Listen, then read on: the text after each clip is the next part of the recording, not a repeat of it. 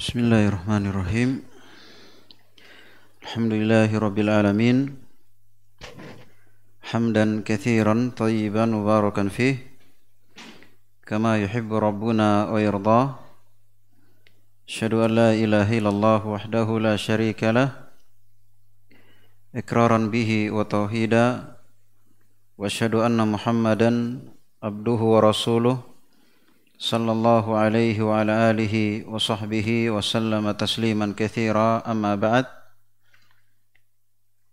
إخواني في الله جماعة أسر rahimani wa rahimakumullah pada sore hari ini kembali kita melanjutkan kajian kita menyelesaikan kurikulum pada bidang manhaj dan sekarang kita masih pada buku yang paling dasar dari uh, bidang ilmu ini yaitu kitab Minhaju Al-Firqatin Najiyah Ta'ifatil Mansurah karya Syekh Muhammad Ibn Jamil Zainu rahimahullahu taala. Kita masih pada uh, judul Minhaju Al-Firqatin Najiyah manhaj atau jalan golongan yang selamat. Jalan golongan yang selamat. Uh, beliau sebutkan di sini 12 eh, jalan ya 12 jalan golongan yang selamat. Eh, sekarang kita sudah sampai pada yang ke-12 kata beliau Al-firqatun najiyah tad'u al-muslimina jami'an ila al-jihad fi sabilillah وهو واجب على كل مسلم حسب طاقته واستطاعته ويكون الجهاد فيما يلي golongan yang selamat adalah mengajak kaum muslimin seluruhnya untuk berjihad fi sabilillah. Ya, al-jihad dari kata al-juhud yaitu mengarahkan kesungguhan, maksudnya optimal. Ya, serius. Bersungguh-sungguh. Ini makna al-jihad. Ya, memaksimalkan sesuatu itu namanya al-jihad. Dikatakan al-jihadu fi sabilillah. Berjihad fi sabilillah. Dan dia adalah wajib bagi setiap muslim. Ini kewajiban fardu ain bagi setiap muslim untuk berjihad hasba taqatihi wastita'atih sesuai dengan uh, kemampuan masing-masing. Ya, jadi kita harus ketahui di antara jalan al-firqah an-najiyah mereka itu uh, meyakini akan wajibnya jihad. Meyakini akan wajibnya jihad itu sesuai kemampuan. Tapi ingat tadi ya jihad fi sabilillah. Ya, jihad fi sabilillah. Jihad di jalan Allah Subhanahu wa taala. Al-jihadu bil lisani wal wa yakunul jihadu fi mayali dan jihad itu bermacam-macam sebagaimana berikut. Yang pertama al-jihadu bil lisan wal qalam. Yang pertama jihad dengan lisan dan pena. Maksudnya jihad dengan ilmu. Nabi Shallallahu Alaihi Wasallam ketika di Mekah jihadnya dengan apa? Dengan ilmu atau dengan pedang? Jawabannya dengan ilmu. Karena syariat jihad itu tidak turun di Mekah. 13 tahun Nabi di tidak 13 tahun Nabi di Mekah tidak ada syariat Islam yang turun. Kecuali apa? Kecuali sholat. Itu pun di akhir-akhir di tahun ke-11. Berarti jihad, syariat jihad dengan pedang yaitu di Madinah. Maka sekarang bagaimana dengan ayat wajahiduhum bihi jihadan kabira? dan lakukanlah jihad kepada mereka kaum musyrikin dengan jihad yang besar. Ya. Tentunya di sini itu jihad dengan ilmu. Iya, jihad dengan ilmu. E, perlu saya jelaskan ya bahwa jihad itu e, secara garis besar terbagi dua, ada jihad dengan ilmu dan ada jihad dengan pedang.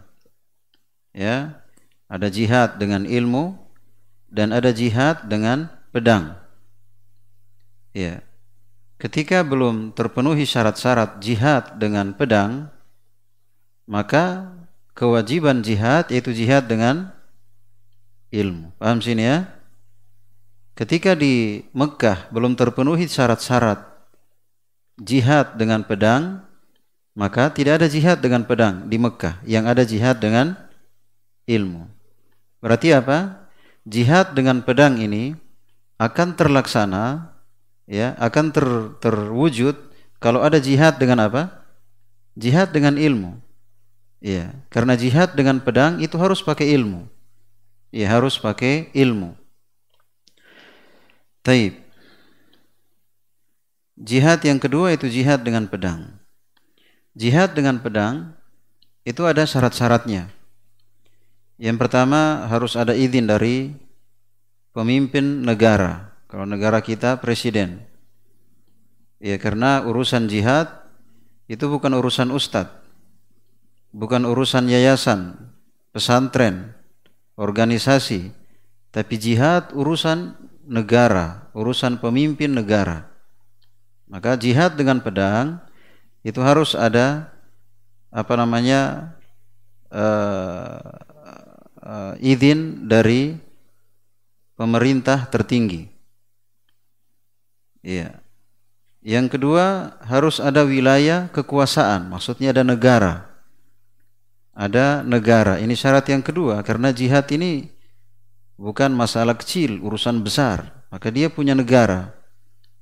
Ya, ini syarat yang kedua. Syarat yang ketiga eh, harus ada kekuatan. Harus ada kekuatan. Ya, wa'iddu lahum mastata'tu min quwwah. Siapkanlah untuk menghadapi musuh berupa kekuatan. Maka perlu ada kekuatan terutama kekuatan iman kemudian mempersiapkan kekuatan eh, apa namanya persenjataan eh, pasukan keuangan logistik dan semisalnya pertahanan Ini syarat yang ketiga. Syarat yang keempat, tidak menimbulkan fitnah yang lebih besar. Artinya ketika melakukan penyerangan, itu tidak menimbulkan fitnah yang lebih besar. Ya, misal sekarang ada yang melakukan peledakan. Apa yang terjadi? Ya, itu fitnah bagi kaum muslimin. Mencoreng nama Islam, Akhirnya musuh-musuh Islam dan orang-orang yang benci dengan Islam mereka punya peluang untuk merusak citra Islam atas perbuatan sebagian orang yang mengatasnamakan jihad padahal tidak jihad sama sekali. Taib. Ini syarat-syarat dari jihad dengan pedang. Kalau kita lihat kenapa tidak ada jihad dengan pedang di Mekah. Karena mana mungkin Mekah dikuasai kaum musyrikin. Mana mungkin ya ada izin. Ya Nabi belum punya apa-apa. Dia beliau bukan pemimpin negara. Ya beda di Madinah. Di Madinah Nabi sebagai pemimpin negara ya kan? Yang kedua ada negara. Nabi ketika di Mekah sebagai rakyat bukan pemimpin negara sebagai rakyat. Sebagai penduduk Mekah Iya. Yang ketiga, uh, yang ketiga uh, kekuatan. Kekuatan justru dakwanya Nabi di Mekah sembunyi-sembunyi. Tiga tahun pertama, Nabi SAW berdakwah sembunyi-sembunyi. Sampai turun ayat di tahun keempat, Fasda bima tu'mar, terang-teranganlah berdakwah. Akhirnya di tahun kelima terjadi hijrah di Habasyah. Sebelum hijrah ke Madinah ada hijrah ke Habasyah karena kaum muslimin eh, semakin tertindas. Artinya nampak bahwa kaum muslimin tidak punya kekuatan menghadapi penindasan kaum musyrikin sehingga di tahun kelima sudah ada yang tidak tahan sebagian sahabat seperti Uthman bin Affan bersama istrinya Ruqayyah putri, putri Nabi hijrah ke Habasyah. Ini di tahun kelima. Iya. Artinya tidak ada kekuatan. Tidak ada kekuatan. Jihad itu bukan urusan mau mati syahid, artinya setor nyawa, kita dipenggal sama orang kafir, dibunuh orang kafir. Ada ilmunya. Yang ketiga itu punya kekuatan.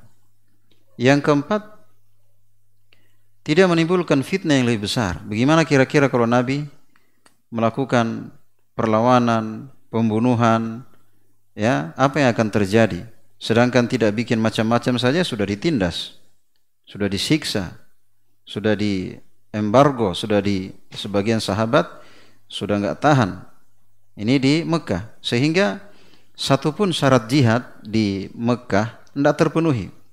Tidak ada izin dari pemimpin negara, tidak ada wilayah kekuasaan, tidak ada negaranya, tidak ada kekuatan dan akan menimbulkan fitnah yang lebih besar.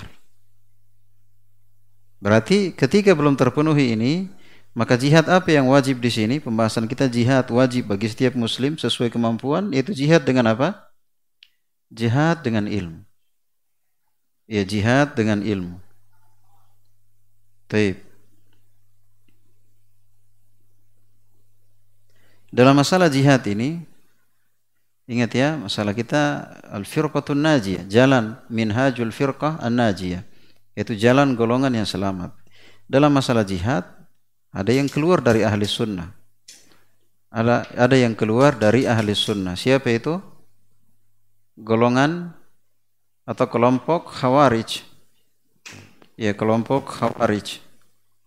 Ya, artinya mereka tidak paham tentang masalah jihad dan tidak menempatkan masalah jihad pada tempatnya. Ya, pada tempatnya.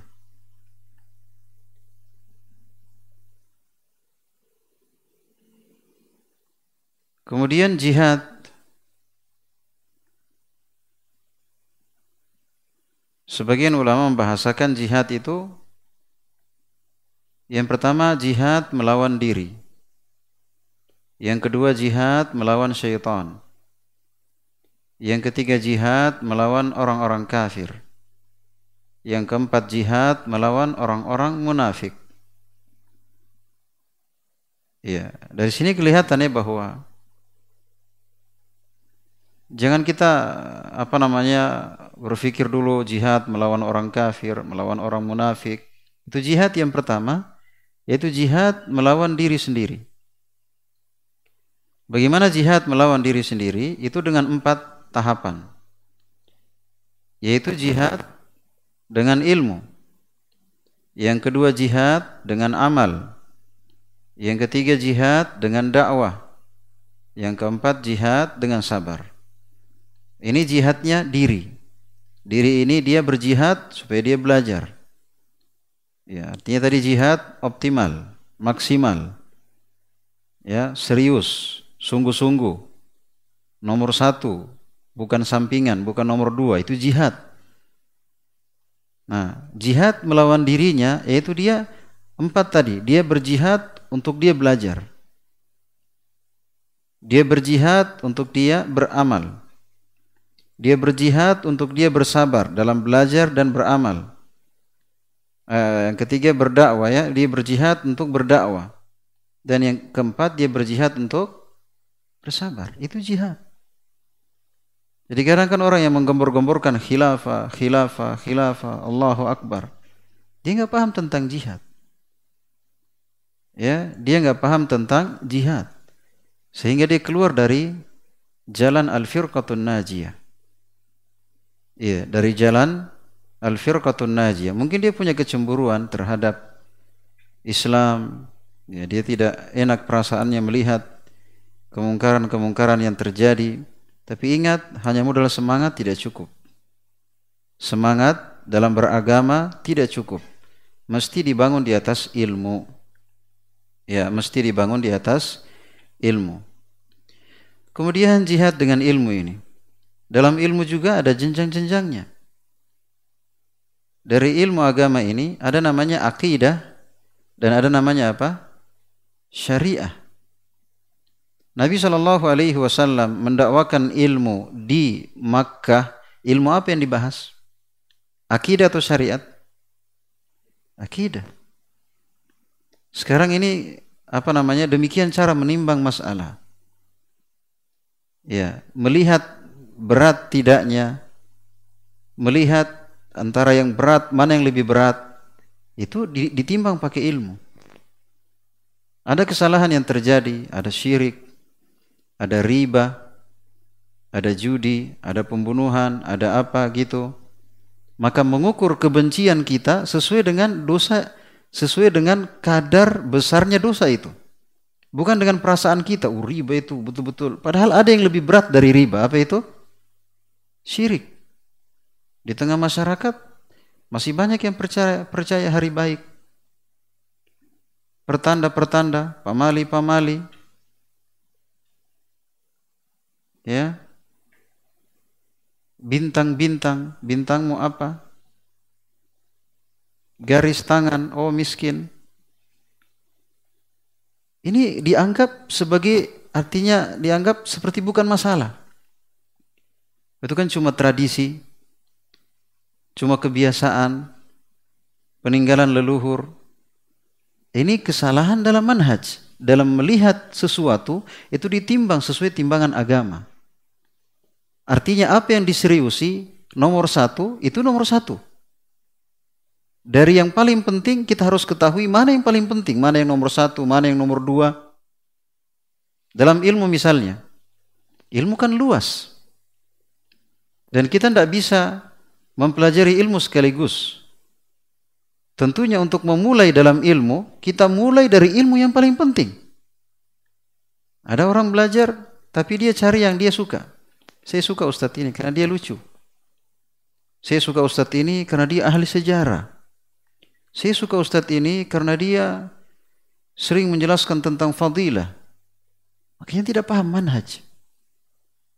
Dalam belajar pun harus pakai manhaj. Maka akan kelihatan orang yang paham manhaj dalam belajar. Dia tahu apa yang harus pertama ia pelajari. Coba bayangkan. Apa artinya sebuah perjuangan dia bersedekah miliaran tapi dia berbuat syirik. Apa yang terjadi dengan ibadahnya? Dia sholat, dia puasa, dia sedekah, dia haji, dia berinfak triliunan, terus dia berbuat syirik. Apa apa manfaat dari ibadahnya?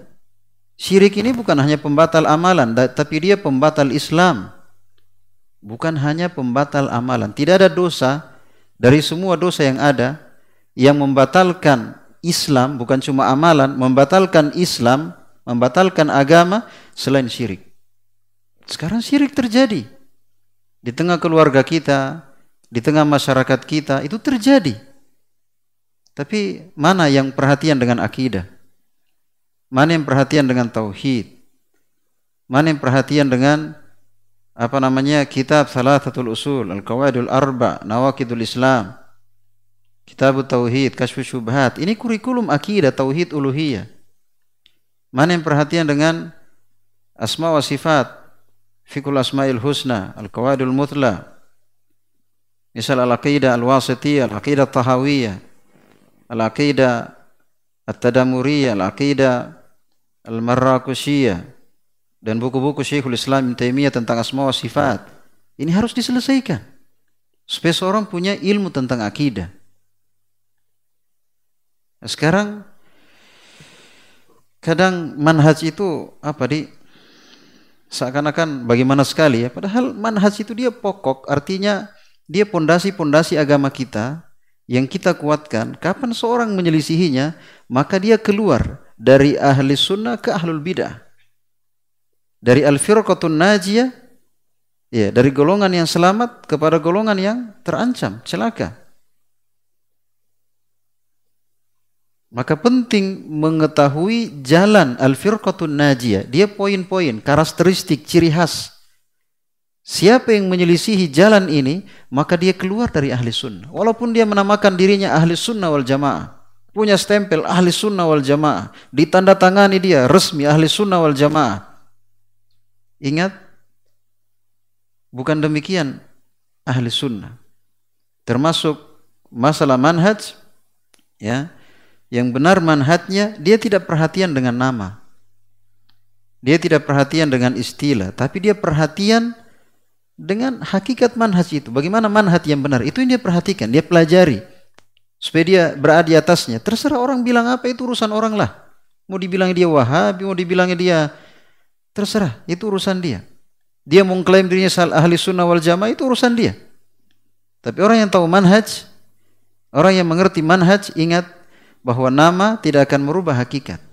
Riba riba dibilang bunga dinamakan berapa bunganya bukan berapa ribanya tetap ya nama diganti namanya menjadi e, bunga diganti namanya menjadi ribah untung diri, di, di, diganti namanya menjadi faidah.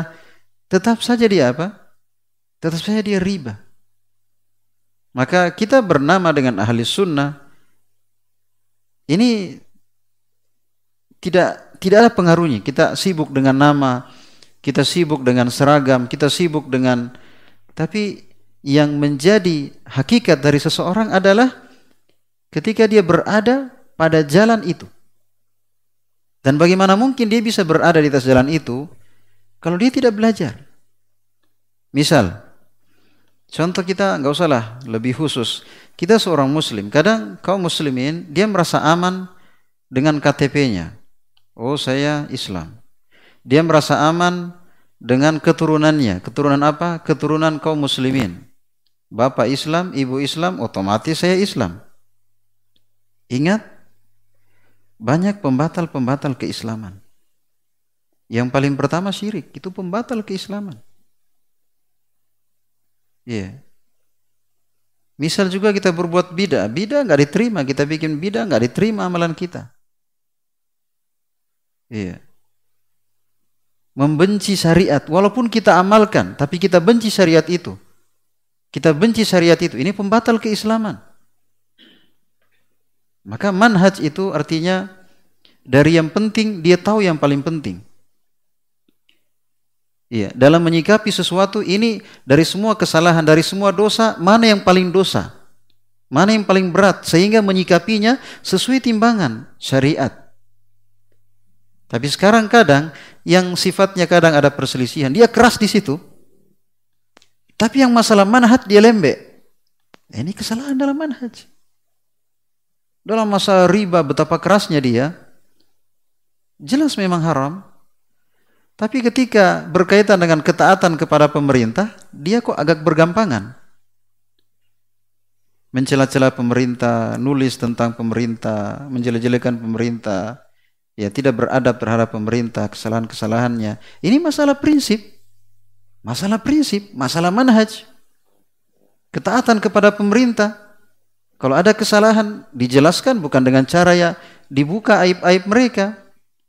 Tapi dijaga wibawa mereka. Ada cara-cara khusus untuk memperbaiki kesalahan mereka. Ini masalah manhaj. Kadang masalah uh, fikih betapa kerasnya. Tapi pas yang masalah manhaj yang memang tidak boleh ada perselisihan di situ, kok di sini agak lemah? Kok di sini agak longgar? Kok di sini agak berani menyelisihinya? Maka ini perkara manhaj. Ini kesalahan dalam manhaj. Kadang dia mengatakan kita taat kepada pemerintah. Ya, kita taat kepada pemerintah. Tapi praktek di lapangan hal-hal yang merupakan kebijakan pemerintah dan tidak bertentangan dengan agama, kadang tanpa disadari apa namanya eh, di eh, langgar dan semisalnya. Taib. Ini kesimpulan ya dari tentang masalah jihad, bagaimana pembagian jihad. Eh.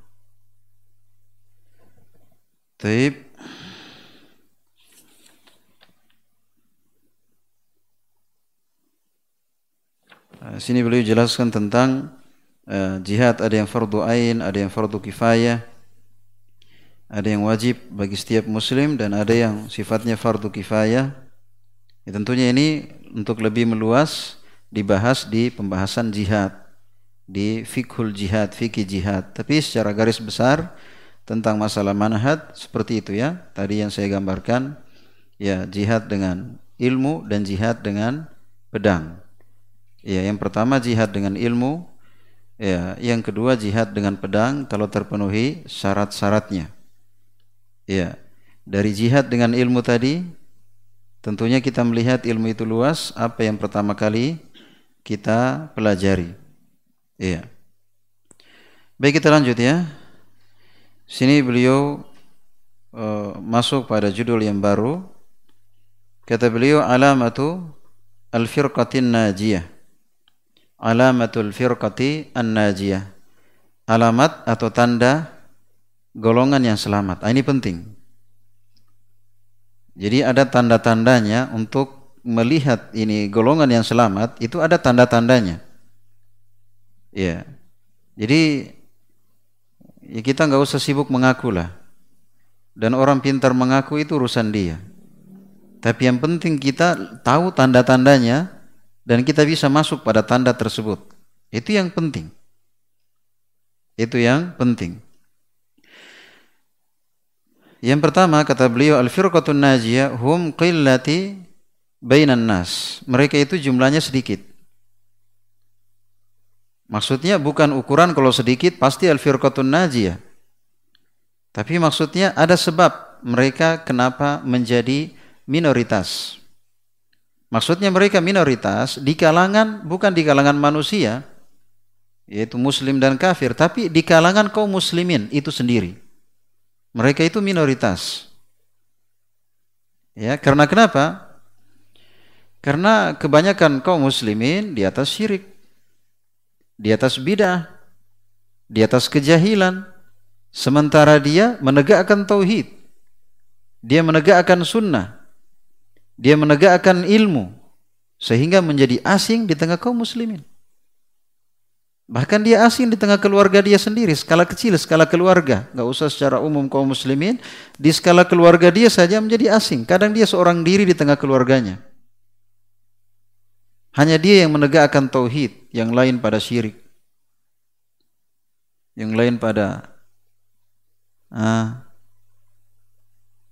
dia bacanya kitab tauhid, keluarga besar baca Al-Barsanji. Keluarga dia bilang, kamu ini kok aneh sendiri. Yang gini-gini yang biasa-biasa, Islam yang biasa-biasa ya. Dari dulu sampai sekarang yang biasa-biasa ya atas kejahilan. Dia dikucilkan. Ya, dia dikucilkan, diremehkan.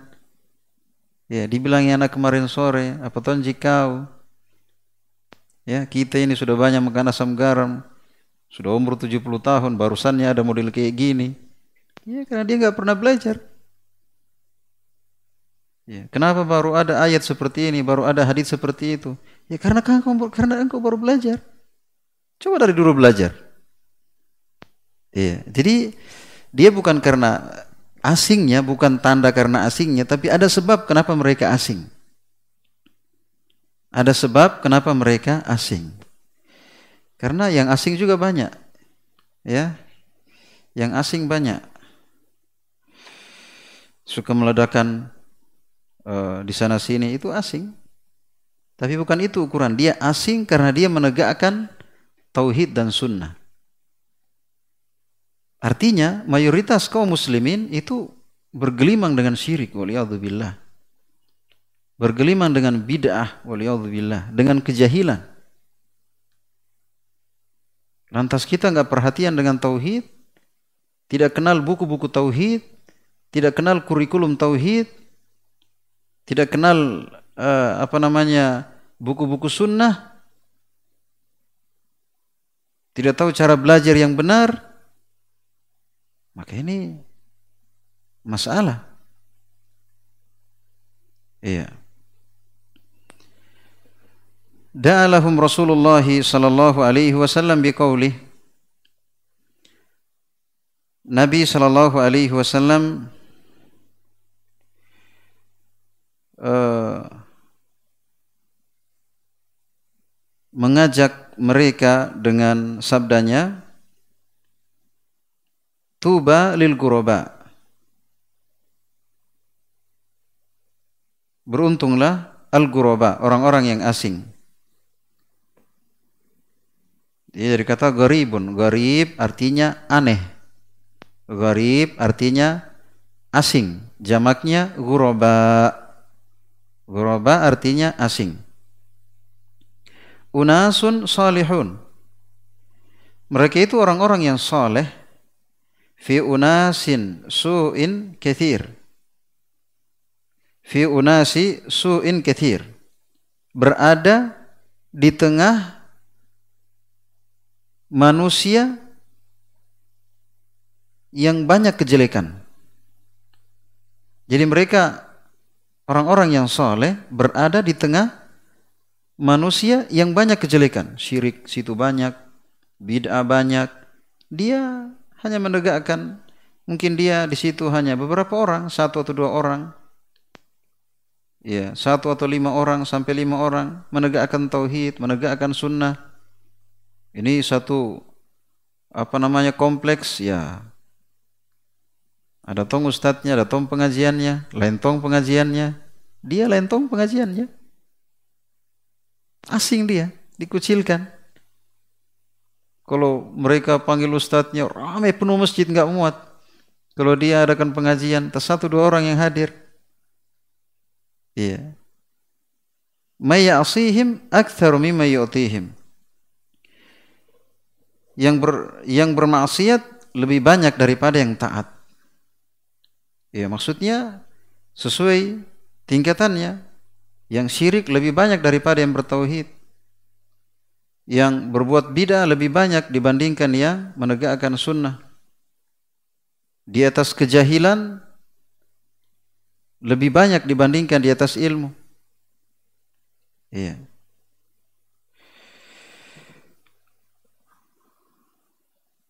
Lihadza akhbara anhum al-Qur'anul Karim faqala madihan lahum.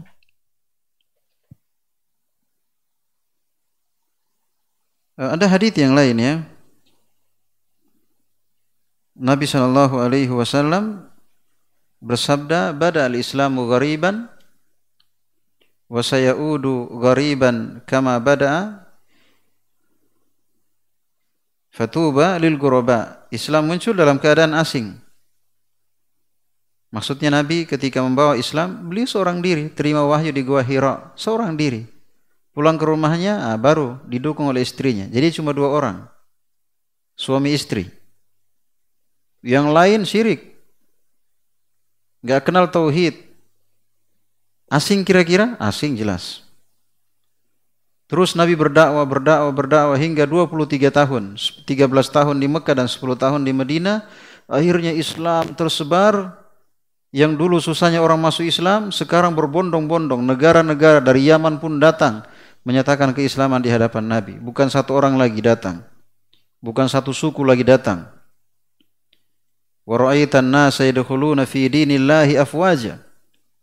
Kamu lihat manusia masuk Islam berbondong-bondong. Masuk Islam berbondong-bondong. Dulunya asing, terus Islam tersebar, masuk Islam, menjadi negara adidaya. Bayangkan menumbangkan Persia, Romawi. Siapa yang tidak kenal Romawi? Negara adidaya. Negara yang ibaratnya sudah ribuan tahun umurnya. Negara Nabi ketika menyerang Persia, eh, Romawi itu baru sekitar 8 tahun negaranya. Ini sudah menaklukkan negara adidaya yang sudah ribuan tahun. Jangan tanyakan akan prajuritnya. Ya, 20 ribu, sementara tentara Nabi hanya 3 ribu. Itu pun sudah, pokoknya istilahnya kalau kita yang pensiun ya sudah kasih masuk tentara lagi. Saking kekurangan tentara, pasukan.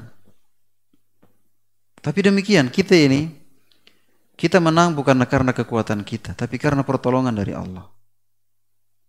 Kita memang betul menempuh sebab mempersiapkan untuk menghadapi orang kafir. Tapi tidak kita bersandar kepada sebab. Dan tidak akan mungkin Allah Subhanahu wa taala menolong kalau kita berbuat syirik. Kalau kita berbuat bidah, itu mana mungkin mustahil. Tidak ada kekuatan dan kebangkitan kita kecuali atas pertolongan dari Allah. dan tidak akan datang pertolongan kecuali atas tauhid dan sunnah. Di atas tauhid dan sunnah. Taib. Jadi sekarang tidak usah merasa bersedih kenapa saya seorang diri. Dulu saya banyak temanku, sekarang saya di Bombe. Ya, sendiri lagi atau tinggal beberapa orang saja. Ya teman-teman dulu, teman sekolah, teman kampus sudah pada risih dengan saya. Ya sudahlah, kita merasa berbangga, kita merasa bangga. Masya Allah kita mengenal tauhid dan sunnah, bisa di atas tauhid dan sunnah. Itu di atas jalan al-firqatun najiyah. Makanya kata Nabi SAW, Bada al-Islamu gariban wa sayaudu wa sayaudu gariban kama bada fatuba lil guraba. Islam muncul dalam keadaan asing dan akan kembali menjadi asing sebagaimana awalnya. Apa kata Nabi? Fatuba lil guraba. Beri kabar gembira bagi orang yang asing itu. Maksudnya beri kabar gembira. Dia di atas al-firqatun najiyah di atas golongan yang selamat. Dengannya dia mendapatkan surga. Ya, jadi jangan merasa sedih. Justru kita yang merasa prihatin, merasa uh, menyayangkan orang-orang yang mayoritas di atas syirik, di atas bidah, di atas khurafat, di atas kejahilan. Walaqad akhbara anhumul Qur'anul Karim faqala madihan lahum. Bahkan bukan cuma Nabi yang muji ya. Al-Quranul Karim, Allah sendiri yang memuji mereka. Allah Subhanahu wa taala berfirman, "Wa qalilun min syakur." Amat sedikit hambaku yang bersyukur. Sedikit yang di atas tauhid, itu syukur. Sedikit yang di atas sunnah, syukur. Ya, sedikit yang di atas ilmu, itu syukur. Maka termasuk kufur, ya, yaitu di atas syirik. Termasuk kufur yaitu di atas bidah walaupun dia mungkin kufur. Ya apa namanya? Uh, uh, mengkufuri nikmat.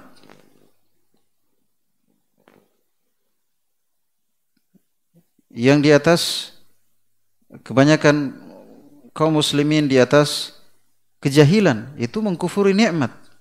Nikmat ilmu, nikmat sunnah. Tidak disyukuri seorang ketika dia tahu nikmat sunnah, nikmat ilmu, maka dia syukuri, dia jaga nikmat itu.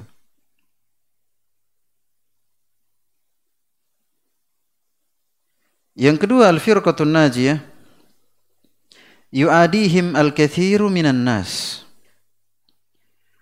Golongan yang selamat itu di antara tandanya dimusuhi oleh orang banyak. Jadi mereka ini bukan cari musuh, memang ya itu sudah konsekuensinya namanya juga orang bikin keanehan, bukan bikin gara-gara. Ya, dia sudah istilahnya pelan-pelan, dia sudah gimana caranya supaya lembut. Tapi tetap aja dibilangi keras. Ya. Dia nggak pulang di rumah, kamu kakek kafir, nenek kamu nenek ahlul bidah. Tidak dia dia masya Allah dia diam dijelaskan dengan sopan dengan logis tetap aja dibilangi keras. Padahal sebenarnya siapa yang keras, iya kan? Iya. Jadi dimusuhi oleh orang banyak. Wa yaftaruna alaihim. Di antara tandanya mereka itu akan di lakukan kepada mereka kedustaan. Dibilangi Wahabi, dibilangi suka mengkafirkan, dibilangi kapling surga sendiri, dibilangi mau menang sendiri, suka menyesatkan. Padahal yang kita bacakan ayat, yang kita bacakan hadith bahwa perbuatan ini kesyirikan, kesyirikan itu kekafiran, membatalkan Islam. Ini ayatnya. Dasar suka mengkafirkan. Kita nggak nggak fonis dia kafir, kita sebutkan perbuatan ini, perbuatan yang seorang kalau melakukannya dia akan kafir. Maksudnya supaya dia hindari. Kitanya yang difonis. Iya. Wa yunabizunahum bil alqab. Dan mereka ini akan diberikan lakop-lakop. gelar-gelar. Gelarnya apa? Banyak dapat gelar kalau antum di atas uh, golongan yang selamat, banyak dapat gelar. Biar tidak bergelar, jadi banyak gelarnya. Gelarnya macam-macam. Misalnya Wahabi, sudah pasti. Ya, gelar Wahabi. Kita sendiri selama, selama pengajian ada nggak taklim bab Wahabi atau tema Wahabi? Tiba-tiba muncul nama apa? Istilah apa? Wahabi. Kita tanya nih orang, apa maksud tak? Saya nggak pernah dengar-dengar taklim tentang Wahabi. Kenapa tiba-tiba saya di difonis Wahabi? Tanya apa maksud tak? Tapi nggak usah lah. Artinya namanya misalnya mereka digelari dengan Wahabi. Apalagi gelarnya? Digelari dengan kalau yang bercadar digelari ninja ya kalau yang cingkrang dibilangi kebanjiran. Kalau yang jenggotan dibilangi kambing. Kalau yang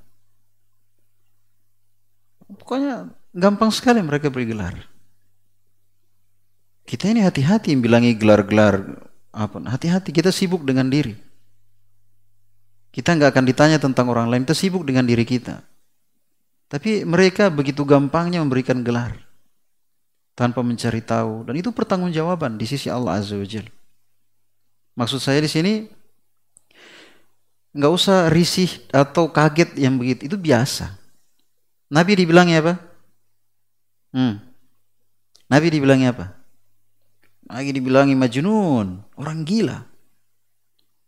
Sahir, tukang sihir. Al-Quran yang beliau bawa, yang beliau bawa dibilangnya apa? Dongeng. Asatirul awalin, dongengnya orang dahulu kala. Bukan hanya Nabi digelari mau mau dibunuh. Siapa yang bisa membawa kepala Nabi dalam membawa Nabi hidup ataupun mati akan dibayar mahal.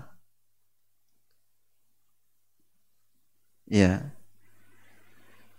Akan datang penjelasannya Artinya tidak usah khawatir. Bagaimanapun orang yang menghalangi, memfitnah, memberi lakop yang tidak baik, santai aja. Selama di atas tauhid dan sunnah, ya, selama di atas tauhid dan sunnah, maka tidak akan membahayakan, ya, tidak akan membahayakan celaan orang yang mencela. Fitnah orang yang memfitnah. Kedustaan orang-orang yang berbuat dusta ya makar orang yang membuat makar tidak ada pengaruhnya sama sekali justru semakin menampakkan Islam itu sendiri. Mereka yang promosikan. Wahabi Wahabi. Akhirnya peng, akhirnya penasaran orang yang dengar-dengar apa sih Wahabi itu? Coba saya pergi dengar kajiannya dulu. Keras bagaimanakah? Akhirnya akhirnya dia yang kecantol. Iya. Taib.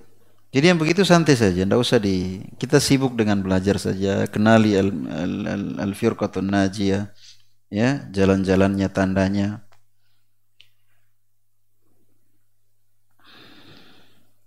Walahum uswatun bil anbiya alladzina qala Allahu anhum. Dan mereka ini punya uswa, punya pendahulu dengan para nabi sebagaimana Allah berfirman Ja'alna likulli nabiyyin aduwwa syayatin al-insi wal jin. Demikianlah kami jadikan setiap nabi ada musuhnya dari kalangan setan, setan manusia dan setan jin. Iya. Yuhi ba'duhum ila ba'din zukhrufal qawli gurura. Saling mewahyukan antara satu dan yang lain ucapan-ucapan yang indah untuk menipu.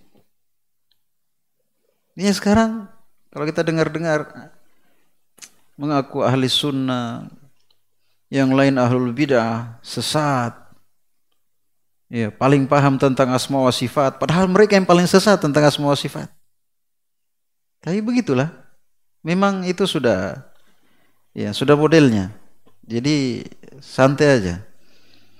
Ya, intinya kita kenali tanda al-firqatun najiyah artinya kalau kalau kita kenali, kita tahu hakikat dari tandanya, sudah kita berada di atasnya, santai. Kita merasa lega dengannya. Ya, terserah orang bilang apa, itu urusan dia. Iya. Yang jelas tidak ada pengaruhnya. Allah Subhanahu wa taala berfirman uh,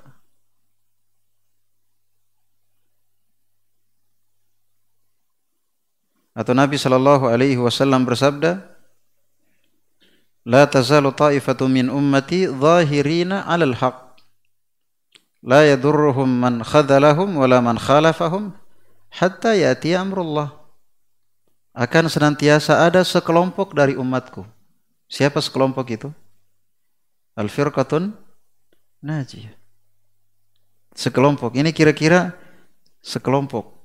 Dia banyak atau sedikit sedikit satu saja sudah kita bahas di pembahasan pertama al firqatun najiyah satu saja satu golongan berarti golongan sesat ada berapa ada banyak ada 72 apa? 72 golongan. Dari golongan 72 ini ada lagi anak-anak golongannya.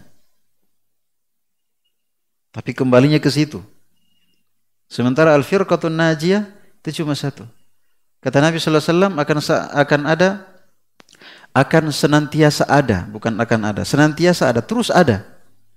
Sekelompok dari umatku, dari dulu sampai sekarang dan seterusnya hingga hari kiamat.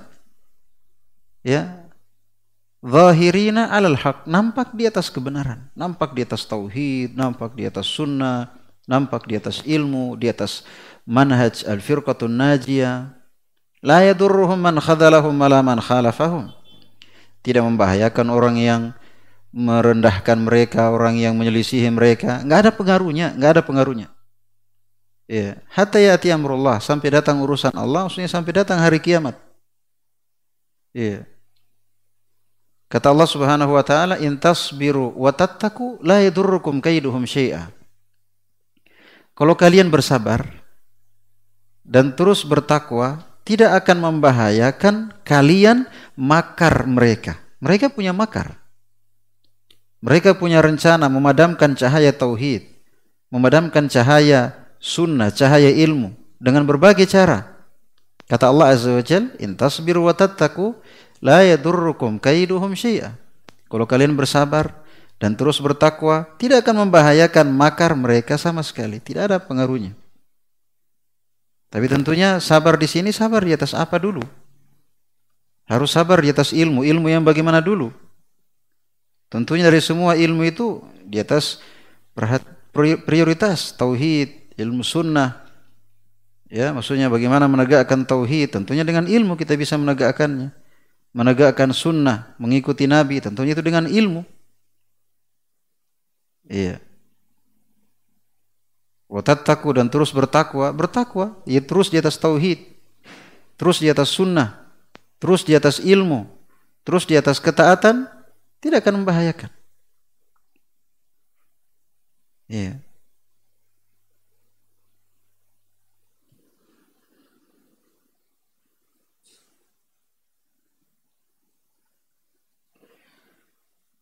Wahada Rasulullah sallallahu alaihi wasallam qala anhu qaumuhu. Dan ini Rasul sallallahu alaihi wasallam dibilangi oleh kaumnya sahirun kadzab, penyihir lagi pendusta. Ini bayangkan sekelas nabi termulia, rasul termulia, manusia terbaik. Tapi bersamaan dengan itu diberi gelar apa? Apa gelarnya? Sahir kadzab. Dulu sebelum nabi diangkat jadi nabi, jadi rasul. Apa gelar yang diberikan kaum musyrikin? Al-amin, orang yang terpercaya.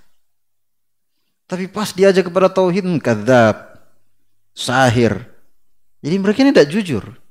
Mereka sendiri yang beri gelar nabi itu orang yang terpercaya. Mereka akui itu, tahu betul itu.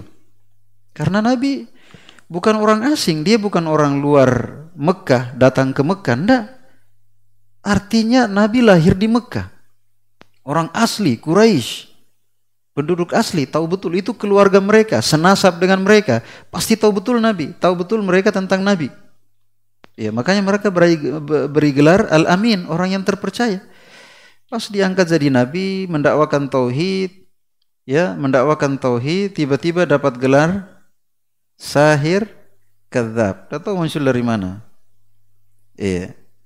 Hina mada'ahum ila tauhid dibilangi sahir, dibilangi kadzab, tukang sihir, pendusta. Iya. Sebagaimana uh, ketika Nabi mengajak mereka kepada tauhid. Wa kanu qabla dzalika yusammunahu as-sadiqul amin. Padahal dulu kaum musyrikin menamai atau memberi gelar kepada Nabi dengan as-sadiq orang yang terpercaya. Al-amin orang yang eh, al-sadiq orang yang jujur, al-amin orang yang amanah, terpercaya. Iya. Yang ketiga di antara tanda al-firqatun najiyah, suila Syekh Abdul Aziz uh, Ibnu Baz an anil firqatin najiyah qala faqala humus salafiyun. Syekh Abdul Aziz bin Baz rahimahullah ditanya tentang al-firqatun najiyah, apa tandanya? Beliau jawab, humus salafiyun, mereka adalah salafi. Nah, mereka adalah salafi. Oh, sekarang salafi dicela lagi. Salafi mana dulu? Salafi murni kah? Garis lurus kah? Garis keras kah? Salafi Makassar kah? Salafi Haroki kah? Salafi Yamani? Salafi Hijazi? Serah pokoknya. Berbanyak memang gelarnya. Intinya kita nggak sibuk dengan entah mau sebut salafi apa yang jelas kita sibuk dengan hakikat dari jalan yang selamat itu yang kita cari. Ini jalan selamat sudah kita kita ikuti. Terserah orang bilang apa mau sebut apa itu urusan dia dengan Allah azza wajal dia bertanggung jawabkan di hadapan Allah azza wajal iya. Nah, kata beliau wa kullu man masya ala tariqati salafis salih. Semua yang berjalan di atas tariqah as-salafis salih, di atas jalannya as-salaf as-salih, pendahulu yang saleh. Siapa pendahulu yang saleh? Ar-Rasul wa sahabatuhu, yaitu Rasul sallallahu alaihi wasallam dan para sahabatnya. Iya. Kalau kita lihat sekarang kadang berlebihan ya, kadang fanatik dengan gurunya. Itu ciri khas ahlul bidah. Ingat, ciri khas ahlul bidah, fanatik dengan guru. Makanya mereka ulamanya harga mati. Kita memuliakan ulama, sudah kita bahas. Kita memuliakan ulama, tapi bukan artinya ya kita nggak belajar. Pokoknya apa dia bilang, apa dia fatwakan, dengar dan taat. Tidak, itu ciri khas dari ahlul batil. Ya, ciri khas ahli sunnah mereka belajar. Dengan mereka belajar, mereka bisa melihat ini fatwanya benar apa tidak. Ini jawabannya benar apa tidak. Karena mereka belajar bukan pokoknya apa dengar, apa dibilang, apa dibawakan, ikut. Iya. Hadhi ba'du manahiji wa alamati al-firqatin najiyah. Ini uh, sebagian uh, manhaj, sebagian jalan dan tanda dari al-firqatun najiyah.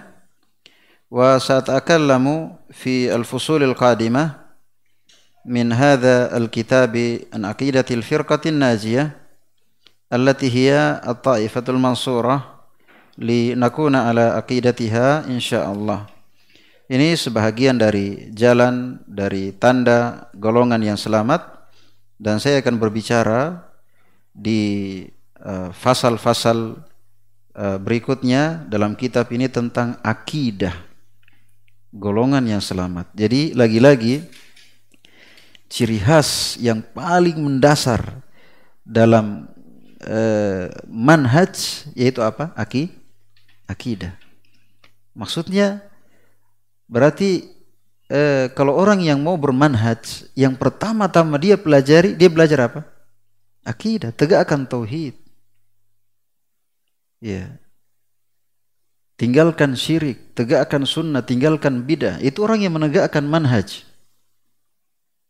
Karena setelah dijelaskan tadi tentang jalan-jalannya, pada ujungnya ya kembali ke pembahasan akidah dari al-firqatun najiyah ya supaya kita bisa berada di atas akidahnya insyaallah.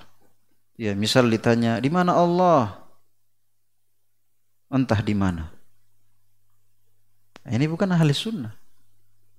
Kalau dia ditanya, ada yang sebagian ustaz bilang, ketika dia dengar tema pembahasan, dibikin apa namanya poster, dipublikasikan temanya, Aina Allah, di mana Allah? Kaget dia, kok bisa ada pembahasan seperti itu? Ya kan? Padahal di kalangan ahli sunnah, iya, dan ini merupakan fitrah, akal sehat, sejalan dengan uh, semua kitab yang turun dari langit ya mengajarkan bahwa Allah Subhanahu wa taala di atas di atas langit, di atas semua makhluknya sesuai dengan Allah yang maha sempurna. Jangan kita gambarkan dia di atas bagaimana, hanya Allah yang tahu bagaimananya. Yang jelas dia di atas sesuai dengan Allah Subhanahu wa taala yang maha sempurna, tidak sama dengan makhluknya. Baik. Eh,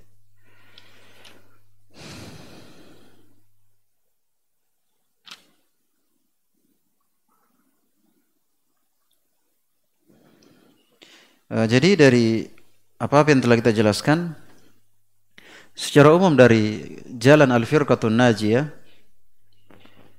ya di antara tanda-tanda yang paling ya nampak adalah mereka perhatian dengan tauhid dan sunnah. Ini yang paling pertama, tauhid.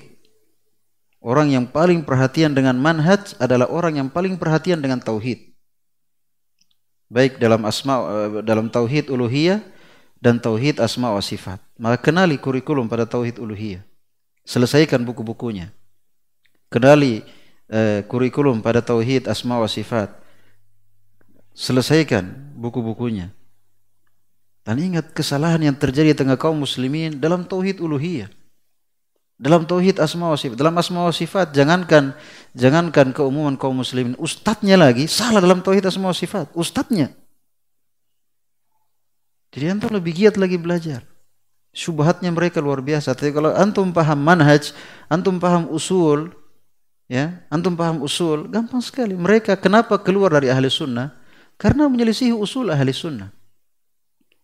Menyelisihi ya karakteristik ciri khas dari ahli sunnah yang di situ tidak ada perselisihan. Mereka selisihi itu sehingga keluar dari ahli sunnah.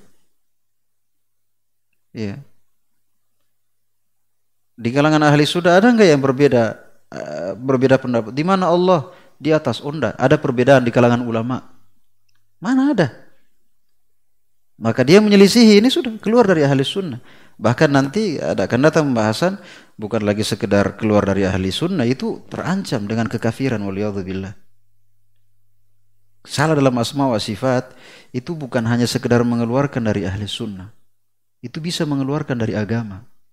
Ini rawan. Iya. Orang yang belajar manhaj, dia gak ketipu dengan songkoknya, dengan gelarnya, dengan followernya. Dia orang yang belajar manhaj, ya, maka dia bagaimana caranya bisa benar-benar berada di atas manhaj tersebut. Itu saja dia. Ya.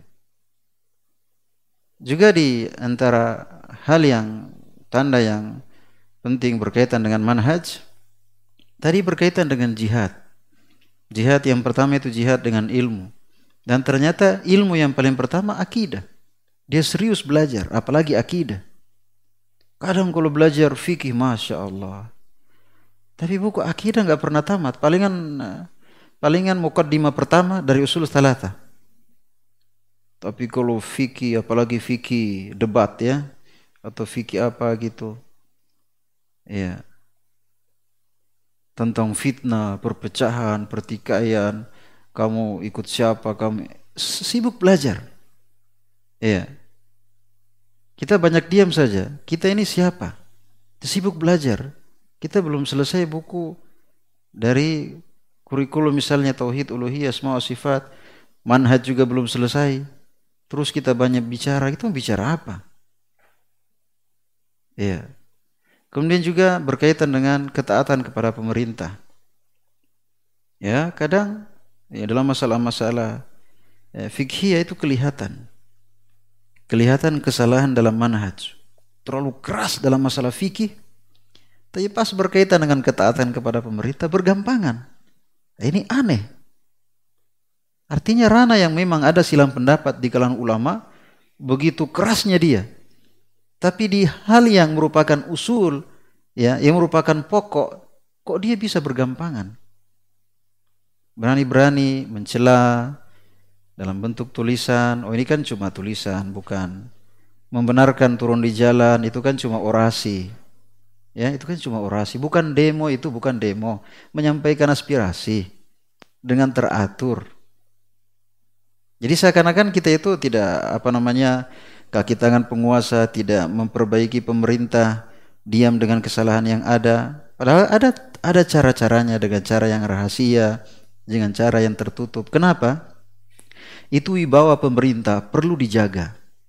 Karena kalau hilang wibawahnya, hilang kepercayaan masyarakat terhadap pemerintahnya, itu kekacauan yang terjadi. Keributan yang terjadi, kewalahan nanti pemerintah untuk mengamankan negara. Karena hilang kepercayaan rakyat kepada pemerintahnya. Maka e, menciptakan negara yang aman tentunya dengan mengajarkan kepada masyarakat manhaj yang benar. Ya, manhaj yang benar. Taib. Ya, sekira itu ya apa yang bisa kita jelaskan pada kesempatan uh, sore hari ini. Semoga apa yang kita dengarkan bermanfaat bagi kita semua. Uh, mohon maaf atas segala kekurangan. Subhanakallahumma wa bihamdik, asyhadu la ilaha illa anta, astaghfiruka wa atubu ilaik. Wa akhiru da'wana anil rabbil alamin.